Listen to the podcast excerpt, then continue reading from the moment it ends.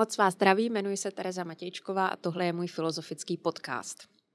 Natáčíme 15. díl a já vám moc děkuji za eh, všechny zprávy, které mi posíláte, za náměty eh, na další témata. V reakci na díl o Slavoji Žižkovi eh, přišlo několik žádostí taky od Jordana Petersna. Určitě jeden díl mu, se mu pokusím věnovat. Ehm, dále přišlo ale i v průběhu mnoho dalších mm, žádostí nebo námětů, ať už je to eh, téma krásy nebo v reakci na lásku přišla prozba o nenávist. Takže taky bude nenávist. A eh, také jste si všimli, že podcast je zatím primárně kontinentálně eh, zaměřený, byť už jsme tady jednoho kognitivního vědce měli.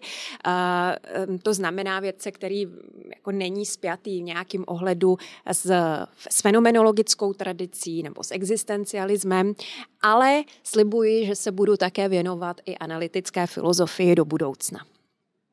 A dneska bych navázala na předešlý podcast eh, tím závěrem, nebo tematicky, kdy jsem vlastně hovořila o Sartrovi a o jeho divadelní hře Mouchy. Premiéra eh, se odehrávala již v okupovaném Československu. A Sartre zdůrazňoval, jakým způsobem vlastně mouchy do tohoto ovzduší tísnivého promluvily. A ty mouchy končí, jak jsem eh, v závěru minulého podcastu zdůraznila, eh, osvobozením Oresta, který, ehm, který zabil vraha svého otce, to znamená pomstil svého otce a opouští svou obec eh, s tím, že Eh, je hrdý na svůj čin a odmítá, aby obyvatelé obce v něm budili eh, nějaké výčitky svědomí. To znamená, přihlásí se ke svému činu a odmítá hodnocení druhých, že nyní je vyníkem, nyní je hříšníkem. A Sartre skutečně stylizuje Oresta do pozice uh, takového níčovského nadčlověka. Někoho, kdo si uvědomí, že má-li být člověk svobodný, uh, musí svrhnout hodnocení druhých lidí, musí přehodnotit hodnocení, uh, v, němž tře- v němž třeba vyrůstal. A, a tím se stává svobodným duchem nad člověkem a zároveň budí hrůzu v druhých, protože svobodní lidé budí hrůzu. Orestes to i explicitně říká, vy se mě bojíte nyní, protože cítíte uh, svobodu, která uh, skrze mě promluvila. A to je uh, jeden z možných významů uh, ničeho pojmu nad člověk. A zároveň uh, ne jediný možný, nebo je to jedna taková složka, Eh, nad člověka a myslím si, že je škoda, když se eh, vlastně pojem nad člověka omezuje eh, na osobu, která vlastně svrhne moralizování. To je určitě pro ničeho podstatný a já se také k tomu dostanu na dnešním podcastu, ale není to, není to jediné. Ale proč zmiňuji ničeho a proč zmiňuji nad člověka? No právě proto, že bych mu chtěla tento podcast věnovat. Byla by to teda sekce klasika, klasické motivy, klasické pasáže. A podívali bychom se na to, jakým způsobem pojem nad člověka vstoupil, nebo co vlastně Nietzsche může nad člověkem mínit, protože je to pojem, který vstoupil, vstoupil nejenom do Sartreho, vstoupil do mnohých dalších tradic. My víme, že v nějakém ohledu tento pojem zneužili nacisté a spatřovali v nad člověku to, tu osobu, která vlastně si je schopna vybíjet sílu a mm, páchat opravdu násilí, mít svědomí k tomu páchat násilí. Samozřejmě, že Nietzsche vstoupil eh, do mnohých filozofů 20. století, eh, kteří s nacismem neměli vůbec nic společného, eh, třeba do myšlení Foucaulta nebo do myšlení Deleuze, vstoupil i do myšlení etiku, kteří právě pracují i v analytické tradici. Třeba můžu zmínit Bernarda Williamse, který vlastně chce do etiky vtáhnout níčovský pojem autenticity, jeho výzvu, že vlastně veškerá filozofie směřuje k výzvě staň se tím, kýmž si. Níčův na člověk nebo Níčovo myšlení vstoupilo i do mm, děl mnohých literátů, třeba do díla Camusho a do jeho cizince, samozřejmě do díla Milana Kundery a do jeho nesnesitelné lehkosti bytí. A vstoupilo i velmi silně do, české, do československé filozofie, české filozofie. Máme třeba e, takzvaného, působil zde takzvaný český Níče Ladislav Klíma. Byť je otázka, jestli je patřičné označovat Eh, Ladislava Klímu za českého Níčeho. Brzy vyjde eh, kniha od eh, Vojtěcha Kintera, který toto trošičku přehodnocuje a říká, jestli spíše Níče Ladislav Klíma nebyl takový český Schopenhauer. Nicméně samozřejmě Ladislav Klíma byl ničem silně ovlivněn a ze současných myslitelů českých filozofů čerpají z Níčeho třeba Pavel Kouba, který napsal skvělou monografii o Níčovi, a nebo Václav Bělohradský, který se na Níčeho také velmi často odkazuje.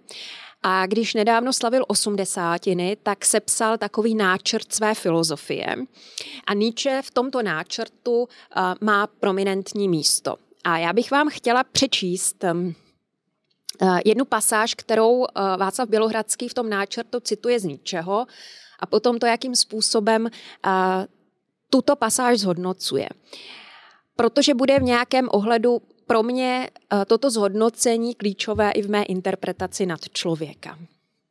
Nietzsche napsal, odložme konečně lidské hodnoty tam, kam patří, do kouta, kde mají právo existovat jen jako hodnoty part a mafií.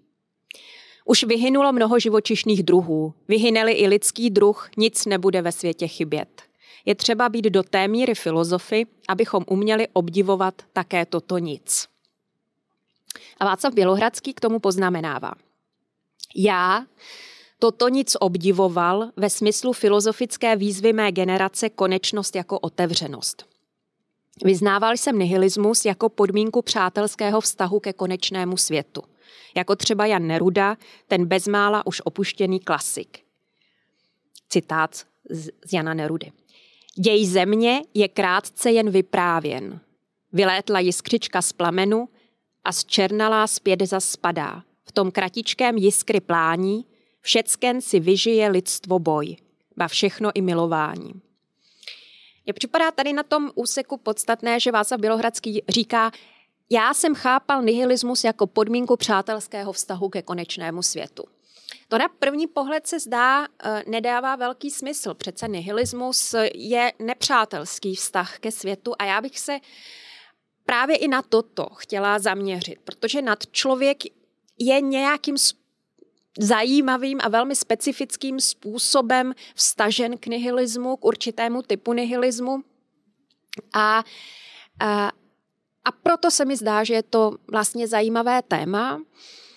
E, I v tom smyslu, e, že velmi často, když se řekne Nietzsche, když se řekne nad člověk, označ, ostatně v angličtině se občas na člověk e, skutečně překládá jako Superman, takže Superman um, je nakonec uh, v nějakým ohledu i postavička komiksová nebo postavička naší představivosti a nad člověk je tedy a zároveň je vlastně velmi přítomná obecně v naší kultuře ta představa, eh, že člověk možná bude překonán. Eh, vedeme nyní eh, diskuze kolem umělé inteligence, to znamená, klademe si tu otázku, jestli člověk vlastně nemůže být technologicky překonán. Vývojáři v Silicon Valley Zdůrazňuji často, že v nějakém ohledu eh, bychom měli vy, mm, vyřešit otázku lidské smrtelnosti. Eh, řeší se to, jakým způsobem prodloužit eh, život člověka, učinit ho potenciálně nesmrtelným, to znamená skutečně proměnit jeho podstatu. A mnozí také říkají, třeba historik Hararino, my už jsme vlastně člověka trošičku překonali v tom smyslu, že když srovnáme to, jak dnes žije člověk eh, s tím, jak žil člověk v antice, tak dneska současný člověk má blíže k antickým bohům, k řeckým bohům, než k životnímu stylu antického člověka. To znamená, my dneska um, běžně se přemístujeme z místa na místo, žijeme v obrovském bohatství, přepichu, spíše umíráme na nadváhu než na, mm, než na nedostatek a a v nějakém smyslu říká Harari, no my jsme blíže už Bohům než tomu antickému člověku. Jo. Takže a kultura je v nějakém ohledu přemáhání pouhého člověka, to, co Nietzsche označuje jako tvoření nad, nad tvoření. Ale také, říká Nietzsche, eh, existuje nespočet v kultuře, nespočet vlastně fale, falešných pojmů nad lidí, nad člověka. A a proto mi to připadá to téma uh, zajímavý. A skutečně i Nietzscheův člověk je velmi často dezinterpretován uh, jako osoba, která si vybíjí svoji sílu, jako osoba, uh, která uplatňuje svoji moc, protože může. Je dostatečně silná a tak vlastně druhé si podrobuje. Ale Nietzsche sám říká, no vlastně člověk, který takto bezprostředně uplatňuje svou moc, je to, co on označuje převrácený kripl. To znamená, kripl je někdo, kdo je slabý a to není jako nějaký ohledu žádoucí stav, ale vlastně vybíjet si pouhou sílu, to taky není žádoucí stav, to je také vlastně projev nějaké slabosti. A když jsem zmínila, že v nějakém ohledu uh, je na člověk spjatý s nihilismem, tak i tady se otevírá řada nedorozumění, protože v tom případě, nebo velmi často, je Nietzsche spojován s nihilismem. A, a Nietzsche říká, ano, my musíme projít určitou nihilistickou fází, i naše osobnost musí uh, v dozrávání projít nihilistickou fází, kdy musíme bořit to přejaté, ale zároveň nesmíme v té nihilistické fázi setrvat. Uh, musíme se naučit um, porozumět tomu, že cílem je tvořit, tvoření a zároveň ale přitakat i tomu, že součástí tvoření je nevyhnutelně ničení. A tudíž, že součástí každého tvoření je i souča- je, je nějaká vlastně dvojznačnost, něco mimo dobro a zlo nebo možná spíše mezi dobrem a zlem. A Nietzsche je dále, a ještě tady, takže jsem vlastně, eh, to, o co mi tady jde, vlastně rozptýlit určité eh, bezprostřední takový eh, intuice, které máme, když se řekne Nietzsche a nadčlověk, Nietzsche a nihilismus, tak ten nadčlověk není uh, jako nějaký alfasamec, to za prvé. Za druhé, Nietzsche nechce glorifikovat nihilismus jako chuť ničit a bořit, to je málo. Byť zároveň říká, jo, zároveň říká, to je zajímavý, uh, že my máme, že existuje takovýto kliše, že se řekne, no um, něco zbořit, něco skritizovat, to je snadné, ale zkuste něco postavit. A, a on tento obraz uh, stojí na vlastně fyzickém stavění a fyzickém boření. O, tam věřím tomu, že je, nikdy jsem nic nepostavila, eh, že je, uh, že je ale jako těžší něco postavit a snadný pak to zbořit, nebo snadnější to zbořit. Ale jako uh, je otázka, jestli to platí na úrovni myšlení. Jo? A Nietzsche říká, no zkuste někomu vymluvit nějaký světonázor. Jo, to je, je snadný jej zasadit, ale je velmi těžký myšlenku, která se už rozeš, rozešla do světa, eh, znovu chytit zpět. A touto myšlenkou je třeba to, eh, že existuje podle ničeho jeden morálně soudící Bůh. Jo, jeden Bůh morálky. Tak říká, no tak já bych třeba toto chtěl vymítit, ale dost zásadním způsobem se to nedáří. Tak to je, eh, to je jako nihilismus. A potom další eh, je, eh, že velmi často tak je chápán Nietzsche jako takový bezprostřední ateista, jako prorok smrti Boha. A zase je třeba říct, že Nietzsche neříká lidem, nebo nechce lidem brát víru v Boha, on říká, oni už ji ztratili, ale nejsou si toho vědomi. Moderní kultura už ji nemá, tu víru eh, už víra v Boha tímto způsobem není bezprostřední, přirozená, není strukturou dané společnosti, dané kultury, ale my jsme si to ještě neuvědomili. To znamená, žijeme z určitých fantomů, zbytků víry, ale už to nemá, už to nemá vlastně žádný život. Jo, už je to um, uh, popisuje západní svět 19. století, Nietzsche se narodil 1844, jako uh, takový pohřební slavnosti Boha. A, a taky někdo může na tomto základě uh, přijít s domněnkou, že Nietzsche měl něco uh, vůči náboženství. Jo, že byl uh, antináboženský člověk, což také není pravda. Nietzsche se málo čím zabýval tak důsledně jako právě křesťanstvím, prostě protože je to v nějakém ohledu ta ztráta té křesťanskosti a přežívání zbytků křesťanskosti v kultuře je v nějakém ohledu ještě osou doby, takže nelze se nezabývat Ježíšem třeba. To za prvé. A za druhé, mm, rozuměl náboženství jako nějakému světonázoru, jako mm, takovému eh, zásobníku smyslu, eh, který je pro člověka opravdu stěžejný, ale jde o to, mm, s jakým eh, tím rámcem pracujeme. A a zabývá se v tomhle ohledu zoroastrianismem, o čemž ještě budu mluvit, starověkým řeckým, řeckým náboženstvím, starověkým Římem, židovstvím a velmi často také buddhismem. Má obrovský obdiv, i, ale je i obrovsky kritický uh, vůči buddhismu. A kdybychom měli říct, že je vůči něčemu jako vysazený, tak by to byla spíše filozofie, eh, kterou soustavně kritizuje jako uh, styl uvažování, který si klade tedy nárok na vědu a vlastně chce člověka přesvědčit o tom, že je primárně myšlením.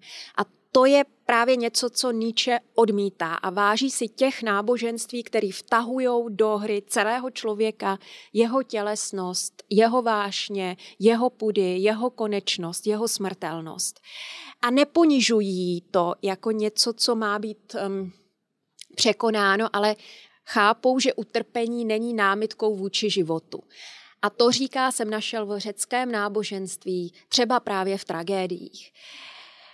A já vám teďka přečtu jeden úsek, který se ale nebude týkat řeckého náboženství, ale buddhismu. Jestliže si vybíjíme, jak se často děje, rozmrzelost na druhých, zatímco ji vlastně cítíme sami ze sebe, usilujeme v podstatě o zamlžení a oklamání svého úsudku. Chceme tuto rozmrzelost a posteriori motivovat nedopatřením a nedostatky druhých a sebe samé tak ztratit z očí. Nábožensky přísní lidé, kteří jsou sobě samými neúprosnými soudci, zároveň nejvíc vyčítají zlo lidstvu jako takovému. Ještě nežil světec, který by sobě vyhradil hříchy a druhým cnosti. Ani ten, kdo by ani ten, kdo by dle Budhova příkazu před lidmi skrýval své dobré stránky a ukazoval jen to, co je v něm zlého. Zde je teda podstatné několik věcí. Jednak ta náboženská tematika, to znamená, že se skutečně uh, velmi vážně uh, zabývá náboženství tím, co nám může konkrétní náboženský světonázor dát nebo vzít. A a v tomhle ohledu mnozí badatelé také říkají, Nietzsche byl především náboženský myslitel. Zároveň je tam uh, pozoruhodná ta myšlenka, že člověk by měl uh, se podrobit takovému asketickému cvičení a skrývat své dobré stránky a ukazovat své špatné. To znamená vlastně škodit své píše, škodit své důstojnosti. Takže zde už pracuje s nějakou podobou asketismu a On si opravdu si všímá, že náboženství tradičně jsou spjaty s určitou životosprávou a že člověk životosprávu potřebuje, protože podstatou člověka je touha překonávat sebe sama. a k tomu potřebujete asketismus. Zároveň je vůči asketismu velmi nedůvěřivý a, a to v momentě, nebo je nedůvěřivý vůči takovému asketismu, eh, který mm, jako vlastně ponižuje určité stránky lidského života, právě jako je tělesnost, anebo asketismus, který není schopen dostat tomu, že um, naše jednání je dvojznačné, uh, že člověk vždycky roste dvěma směry, jak říká Nietzsche, to znamená, že dobrý člověk, um, nebo že on říká, že strom roste vždycky nahoru i dolů a podobně říká, že je to u velkých osobností. To znamená, uh, oni jsou dobrý, dobří do té míry, dokud mají en, pokud mají energii, nebo nakolik jsou, jsou dobří do té míry, do jaké mají energii být taky zlými. Že vlastně a ten určitý typ asketismu, filozofický a křesťanský asketismus, podle ničeho, má ten sklon uh, chtít formulovat nějaké naprosto veskrze čisté dobro, které ani neví nic o zlu. A to je problém podle ničeho. Mm, a A tady je teda, a, a tady má teda jako vůbec je jako takový, až bych řekla, eh, rostomilý ta nabídka zkusit si eh, vlastně ukazovat své negativní stránky, špatné stránky a, a, a skrývat ty dobré. Nietzsche říká, takový světec ještě nežil. Tak u Ježíše máme ten sklon um, upozorňovat své učedníky na to, aby, um, uh, aby, na, aby se neprořekli, že Ježíš koná zázraky. On vykoná nějaký zázrak, někoho uzdraví nebo ně, někomu pomůže a řekne, jen mezi náma, neříkejte to dále. Tak, tak ten aspoň skrývá ty dobré stránky, to znamená, dobro musíme činit kradmo, ale asi, uh, asi opravdu neexistuje světec, který by nějakým uh, uh, výraznějším způsobem jako se, se, se takto chtěl schazovat. Um, proč Nietzsche hovoří o buddhismu? Uh, buddhismus um, je, s buddhismem se setkal v kontextu Artura Schopenhauera. Uh, jehož dílo Svět jako vůle a představa uh, mu dle Níčových slov naprosto proměnila život, proměnila jeho myšlení. A právě Arthur Schopenhauer byl jedním z těch, kteří uh, v této době uh, přijímají eh, z východu eh, dálnovýchodní spisy hinduistické a buddhistické a integrují je, vtahují je do svého díla a dokonce je samostatně rozvíjejí. To znamená, že Arthur Schopenhauer říká, no, eh, kdybych nečetl Upanishády, svět jako vůle a představa, by nikdy nevznikl. Tato kniha by nikdy nevznikla. A a Schopenhauer tady a, a ničeho to nejprve nesmírně zaujme, um, vyzdvihne buddhismus jako náboženství, které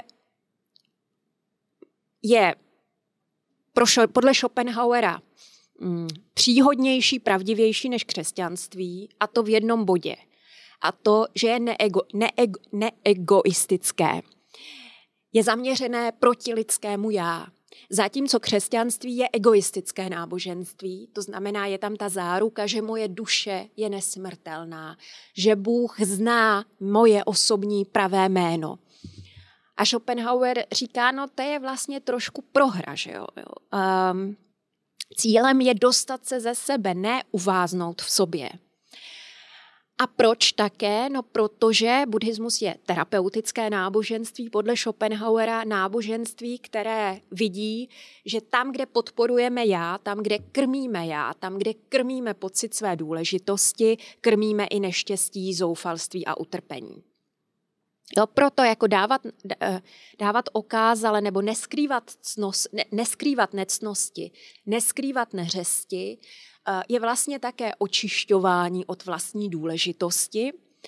A to může mít výrazně analgetický účinek podle Schopenhauera i podle raného Nietzscheho. A Schopenhauer proto říká, no podstata uh, lidského bytí, bytí vůbec je vůle. A čím více my tu vůli vůli po já, vůli po slasti, abych já cítila slast, abych já byla šťastná, abych já zažívala něco, tak čím více my tu vůli vlastně utlumíme, eh, tak tím méně budeme cítit bolest. A říká, no ono to není tak, že by touhy vlastně uh, přestávaly uh, v nás působit v momentě, kdy je uspokojíme.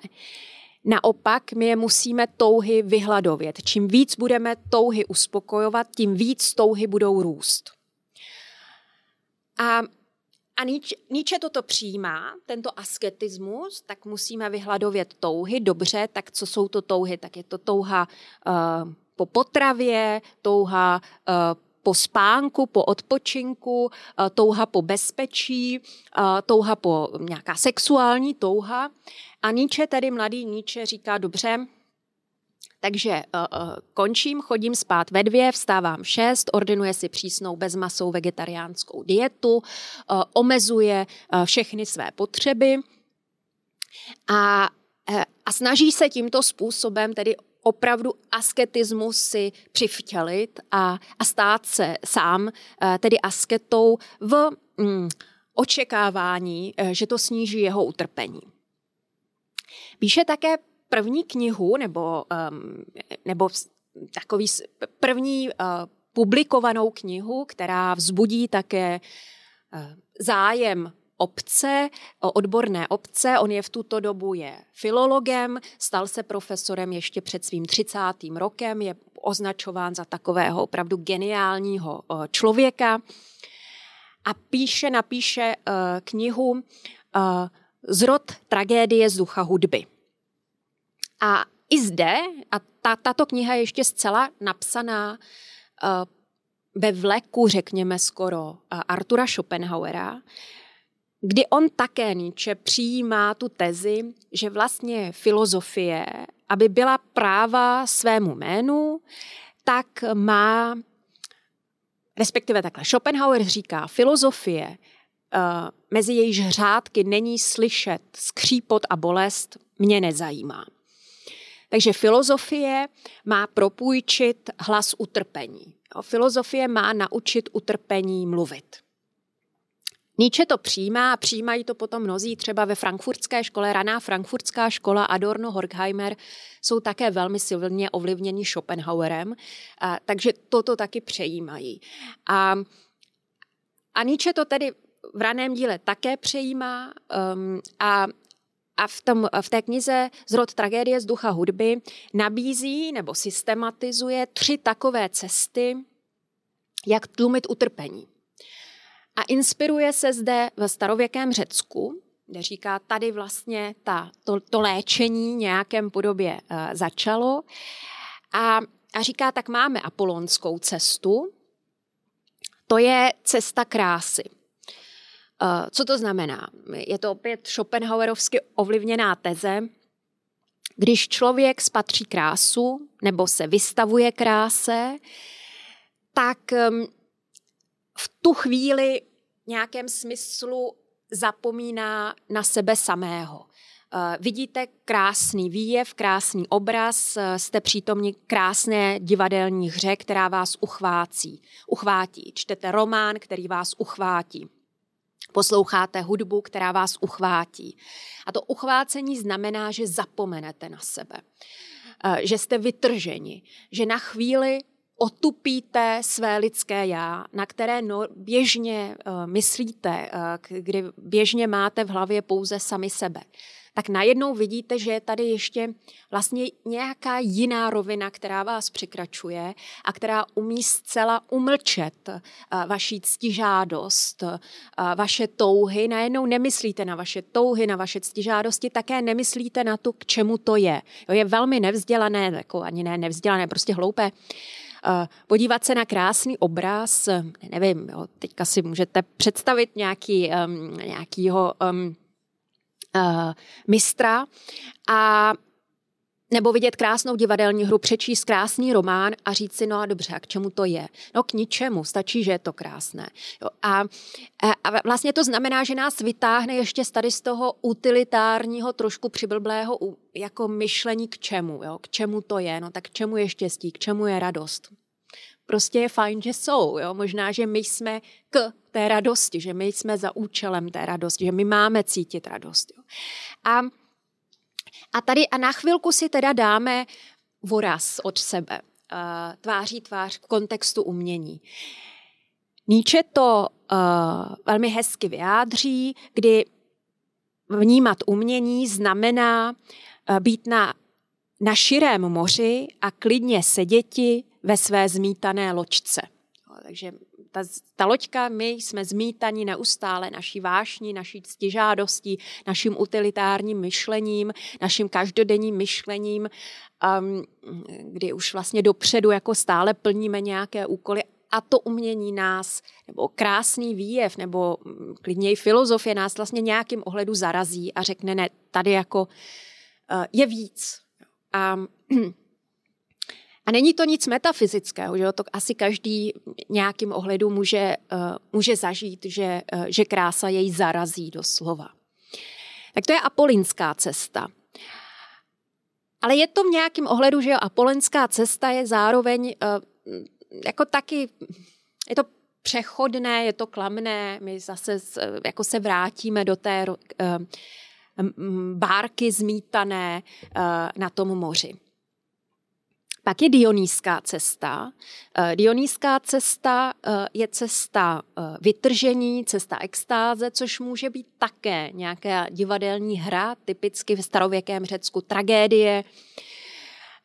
Zároveň ale je to schopnost prožít omámení, alkoholové, drogové, sexuální, kdy ten alkohol vlastně je docela možná dobrým příkladem, že alkohol jakoby rozmazával naše hranice, činil je méně výraznými, opilí lidé často cítí blízkost k druhému a, a třeba se neberou tak vážně nebo nejsou schopni se, bá, se brát tak vážně a cítíme jakoby větší blízkost. A to znamená zase vlastně překonáváme naši tu um, naši individualitu. A Níče k tomu říká, opojení dionýského stavu se svým stíráním obyčejných mezí a životních hranic chová v sobě totiž, pokud trvá jistý letargický živel, do něhož se ponořuje vše, co bylo prožito v osobní minulosti. Vlastně najednou nás netíží, co je naše minulost, to, kým jsme. Takže najednou nás netíží to, kým jsme proto může mít i alkohol takovou jako tradici, jo, protože, protože ono nás obyčejně tíží to, kým jsme. Tak se touto propastí zapomenutí odlučuje svět všední skutečnosti od světa skutečnosti dionýské. Jakmile se však ona všední skutečnost vrátí opět do vědomí, zbuzuje pocit hnusu. Zase je to dočasné. Jakmile se vrátí svět běžná skutečnost, tak můžeme cítit stud, hnus z toho, co jsme prožili, jaký jsme byli, že jsme nechali padnout ty hranice.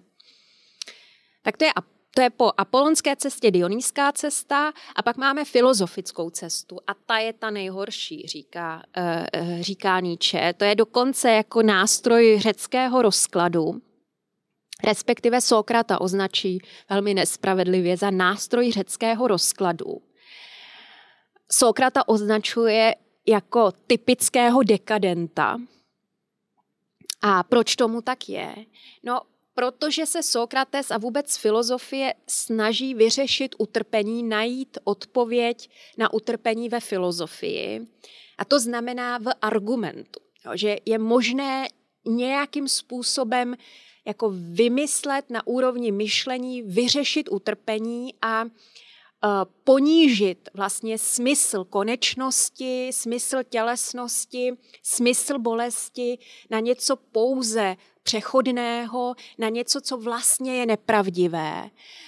Pravda sama je očištěna od této konečnosti, ale Nietzsche říká, no to asi nebude pravda. Jo. Jako součástí skutečnosti je bolest, je konečnost, je omezenost, patří ke skutečnosti a, a proto vlastně už tady zdůrazňuje v, tomto, v této až takové filipice vůči filozofii, že kdo chce tvořit, říká si o utrpení. A kdo chce někým být, říká si o utrpení a nelze vlastně přistoupit na to, že by utrpení mělo mít jenom, být jenom nějakou průchozí fází skrze utrpení k vykoupení. Um, a tady už vlastně postupně Nietzsche opouští um, ten, uh, tu Schopenhauerovskou víru v to, skutečně víru. Jo. Schopenhauer taky hovoří o filozofii jako o um, nějaké metafyzické sázce. On říká, já nevím, prosím vás, jestli to tak skutečně je. Mně to dává smysl, jestli vám to smysl nedává, OK, ale já si tady nebudu hrát na to, že filozofie má nabízet nějaké neprůstřelné argumenty. A, a, a Nietzsche tady ale jako se od něho odvrací s tím, že, že vlastně ta touha zničit já, abychom zničili utrpení, jde moc daleko. To je, to je skutečně skázonosný nihilismus, protože to, co je na člověku zajímavé, je schopnost tvoření, schopnost přetváření sebe sama, ale to je neodlučitelné od bolesti a utrpení. To znamená, my se musíme naučit přijímat utrpení a nechtít je převyprávět na nějakou pohádku, že nakonec to všechno dobře dopadlo a vlastně se všichni uzdravíme a žádné jizvy nezůstanou. Zůstanou. Ale my musíme přitakat naši, našim cílům a našim snahám s tím, že k ním bytostně utrpení patří nás i druhých. Protože velmi často, když nám o něco jde, tak jako druzí, eh, druhým třeba taky ubližujeme. A a k tomu se musíme nějakým ohledu postavit čelem. Um, to, že byl Nietzsche velmi polemicky zaměřený vůči filozofii, on ostatně um, jeho text Zrod tragédie z ducha hudby nebyl vůbec dobře odbornou veřejností přijat, byl odmítnut. V recenzích se psalo, že kdo napíše takovou práci je jako filolog odrovnaný. Nietzsche byl původně filolog a klasický filolog, tak ten je odrovnaný a, a Nietzsche vlastně nikdy potom uh, v akademickém světě na univerzitách nepůsobí, je to takový volný, uh, volný radikál, uh, který je velmi často výrazně polemicky zaměřený vůči institucionali, institucionalizované filozofii. Ale ten, ta, ta, ten jeho odpor má skutečně jako výraz v tom, že si myslí, že filozofie, která chce být jenom filozofií, čistou argumentací, eh, je nejvyšším možným klamem, ačkoliv se snaží být co nejracionálnější. Proto píše už knihu Tak pravil Zarathustra, eh, klasiku, ehm, která zapůsobila, jak jsem zmiňovala, nejenom ve filozofii, ale i v populární kultuře, eh, v umění, v politice, tak uh, píše uh, vlastně nefilozoficky. Není to filozofický traktát, jsou to Zarathustrovy promluvy svým zástupům a uh, on to ladí tedy do takové verze, jako by psal Nová evangelia. Děkujeme, že posloucháte podcast Pravda neexistuje.